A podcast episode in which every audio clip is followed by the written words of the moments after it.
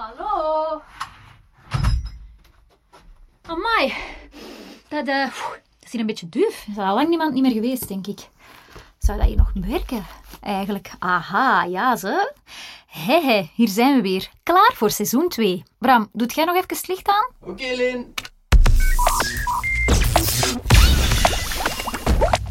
Het geluid stelt voor... Wetenschapje. Een podcast over... Ja, wetenschap. Straf, hè? Over kleine en grote vragen van grote en kleine denkers. Hallo iedereen, ik ben Leen. Maar kennen jullie Siri al? Hoi, Hallo, dag Siri. dag. Siri zit verstopt in de telefoon van jullie mama of papa. En Siri is niet alleen heel leuk, ze is ook erg behulpzaam.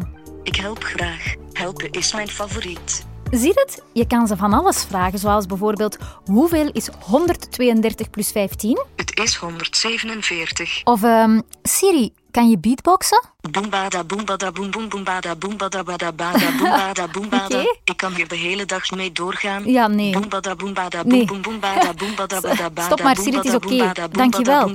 Heel goed, dankjewel. Siri. Ja, Siri lijkt wel een echte persoon, maar ze is het niet. Ze klinkt ook een beetje raar. Maar als Siri kan antwoorden op vragen, heeft ze dan zelf ook vragen? Ik ben meer van de antwoorden. Oké. Ehm, heb jij gevoelens? Ik heb het gevoel dat alles mogelijk is. Alles. Maar echt alles. Dus ook ehm, verliefd worden? Ja, dat is een goede vraag. Kunnen robots verliefd worden? Robots hebben mij altijd enorm gepassioneerd als kind al. Dit is Jonathan Berthe. Hij is de baas van RoboVision. Dat is een bedrijf dat machines leert denken. Ze noemen dat ook artificiële intelligentie of machinale intelligentie. En zo heeft Jonathan al een zelfdenkende robot gemaakt. De plantjesrobot was omstreeks 2009. En sindsdien is elk plantje dat je in de supermarkt kan kopen in handen geweest van robots. Die plantjesrobot die kan babyplantjes herkennen, ze heel voorzichtig opheffen en ze juist, dus met de wortel naar beneden, in de grond steken. En dat is dankzij artificiële intelligentie of AI. Maar wat is dat nu, AI? Bij AI leren we een computer of een machine denken. We leren ze problemen herkennen en ook oplossen. Vandaag bestaan er eigenlijk al een aantal programma's die artificieel intelligent zijn. Netflix bijvoorbeeld, de dienst die miljoenen tv-programma's en films aanbiedt. Telkens je Netflix opstart, krijg je suggesties te zien. Nu, hoe komt Netflix aan die suggesties? Jij kiest om een tekenfilm te kijken met heel veel actie. Dan zal Netflix de volgende keer als je wil kijken tekenfilms met heel veel actie voorstellen.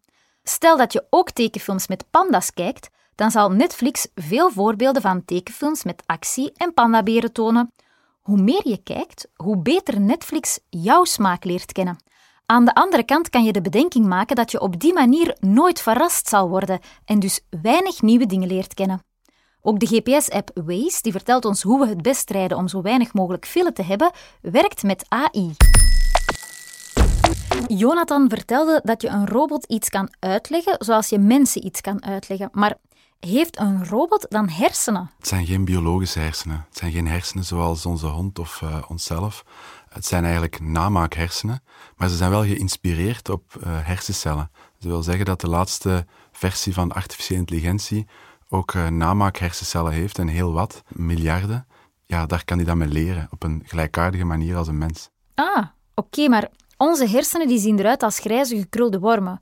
Zien namaakhersenen er dan ook zo uit? Fysiek ziet dat eruit als gewoon hard steen bijna. Dus dat ziet er helemaal niet cool uit uh, met bloed en uh, blubber. Nee. Totaal niet. Ah. Dat zit in chips. Lekker. De chips die we kennen van in de computer mm. en zo, maar dat is wel een speciaal soort chip. Ah, computerchips, ja.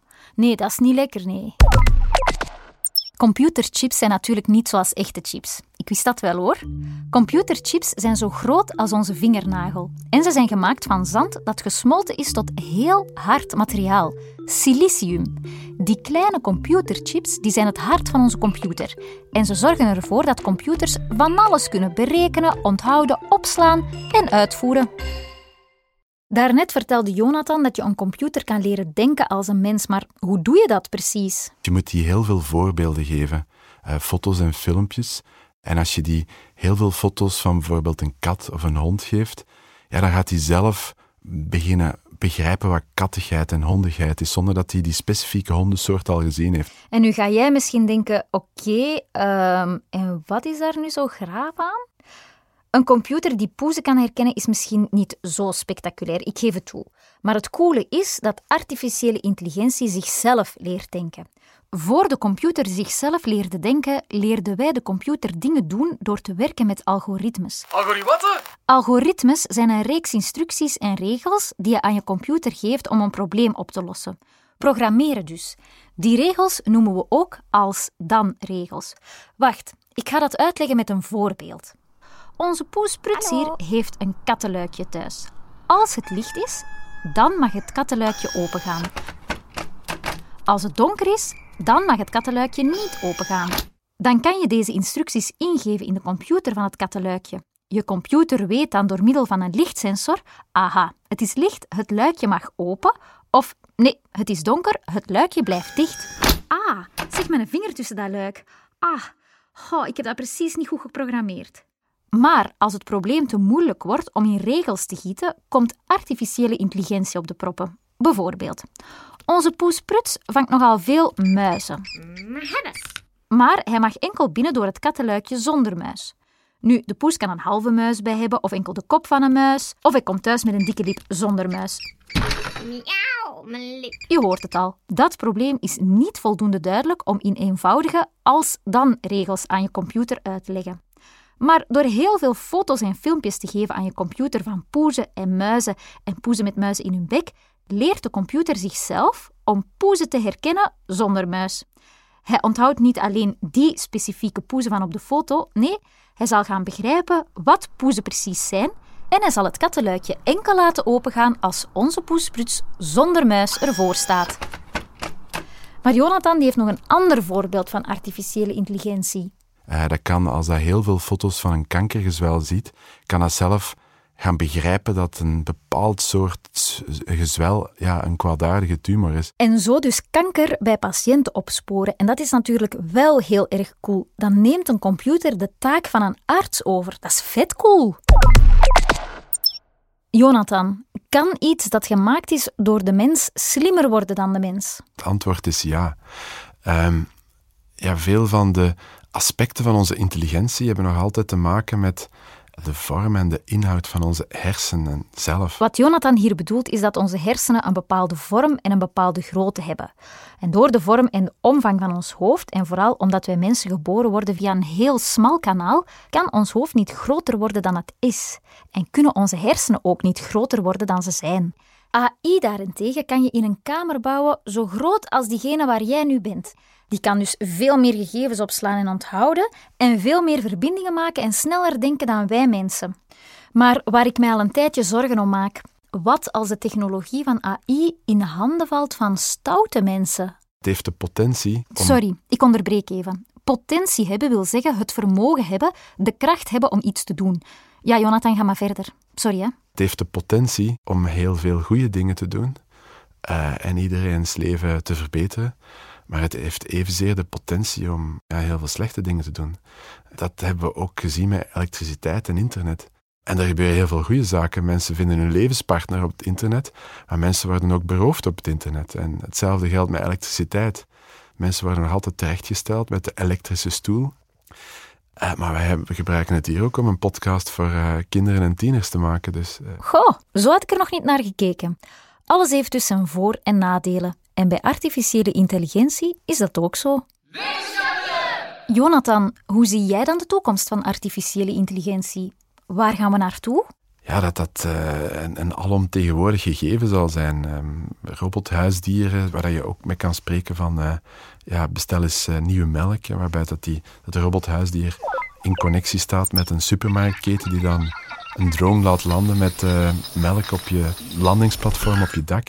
Ik denk dat we naar zulke wereld wel aan het evolueren zijn. En zeker met zo'n viruscrisis als de dag van vandaag. Dat zou vet cool zijn. Dan moesten we niet met mondmaskers aan en ontsmette karretjes naar de winkel. Dan lieten we onze boodschappen overvliegen die enkel aangeraakt zijn door ontsmette machines. I like. Een hemel vol zelfdenkende, vliegende winkelkarretjes. Ik vind het idee nu al grappig. Maar uh, als computers kunnen denken, hebben ze dan ook gevoelens, emoties? Ja, als je kijkt naar veel spelvormen zoals poker, is het tonen van emoties soms vervat in het spel, in het uitleggen van een kaartenreeks of het doen van een bepaalde zet. Ik sta hier in een casino in Las Vegas. In een casino kan je door spelletjes te spelen heel veel centjes verdienen, maar meestal verlies je veel centen. Naast mij staan George en Brad aan de tafel van het kaartenspel poker. En als je het spel slim speelt, kan je er heel veel centen mee verdienen. Yes, ik zet 500 dollars in. Me too. Stel dat je veel geld hebt ingezet aan het begin van het spel, maar je hebt slechte kaarten. Dan kan je door meer centen in te zetten het idee geven dat je goede kaarten hebt. Ik zet all my money in. All in. Ze noemen dat bluffen. Eigenlijk is dat een soort van liegen. Okay then, I'm out. Als je tegenstanders je geloven, dan speel ze niet meer mee en ben je alsnog gewonnen, ook al had je de slechtste kaarten. En op die manier kan een computer waartegen je poker speelt een emotie nadoen door de manier waarop hij speelt. Allee, good luck hè, Brad en George. Thanks. Thanks. Bye, See you, Lynn. Als we daarop verder denken, stel dat er een robot met artificiële intelligentie in je klas zit, kan die robot dan je vriend zijn? Eh, nu nog niet, maar ik denk dat dat wel mogelijk is binnen afzienbare tijd. Zeker omdat het doel van die robot alsnog als mensen ja, veel beter kunnen programmeren dan een willekeurige mens. Een willekeurige mens is niet programmeerbaar. En zo'n robot kunnen we ja, duidelijkere regels opleggen en we kunnen ook het programma afzetten als blijkt dat het niet goed gewerkt heeft, begrijp je? Boah, ik denk het. Je bedoelt dat we de robot leren dat hij vriendelijk moet zijn, lief moet zijn, geduldig moet zijn, dat we hem leren om mopjes te maken, te luisteren als er iemand spreekt, niemand pijn mag doen enzovoort. En als hij toch niet zo leuk blijkt te zijn, dan zetten we hem gewoon uit. Is het zoiets? Zeker. Oh, dan heb ik het toch goed begrepen. Dan zijn we eindelijk aanbeland bij onze startvraag. Kan een robot verliefd worden? En Jonathan, kan dat? Ehm ja. Dat klinkt niet helemaal overtuigd. Siri, ben jij al slimmer dan Jonathan? Ik snap er nog steeds niets van. Oké, Jonathan, zeg jij het maar. A- Als je aan een robot de opdracht geeft van je moet die persoon veroveren, emotioneel gezien dan, dan zal dat zo zijn. Ja. Ik spreek nu wel een beetje over de, de toekomst, hè, want eh, op dit moment is dat niet mogelijk. Hè. Dus nu nog niet. Ik vraag het gewoon nog eens aan Siri. Siri, kan jij verliefd worden? Nee, Voilà, dat is duidelijk. Dankjewel allemaal om te luisteren en dankjewel ook Siri om mee te werken. Hè? wat lief dat je dat zegt. Tot de volgende. Tot de volgende keer.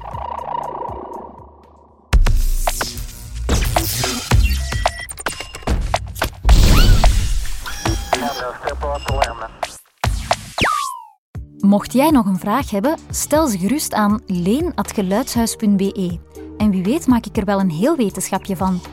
Dit was Wetenschapje met Jonathan Berthe als AI-kenner. Deze aflevering kwam tot stand met de steun van EOS Wetenschapsmagazine. Wetenschapje is een productie van het Geluidshuis.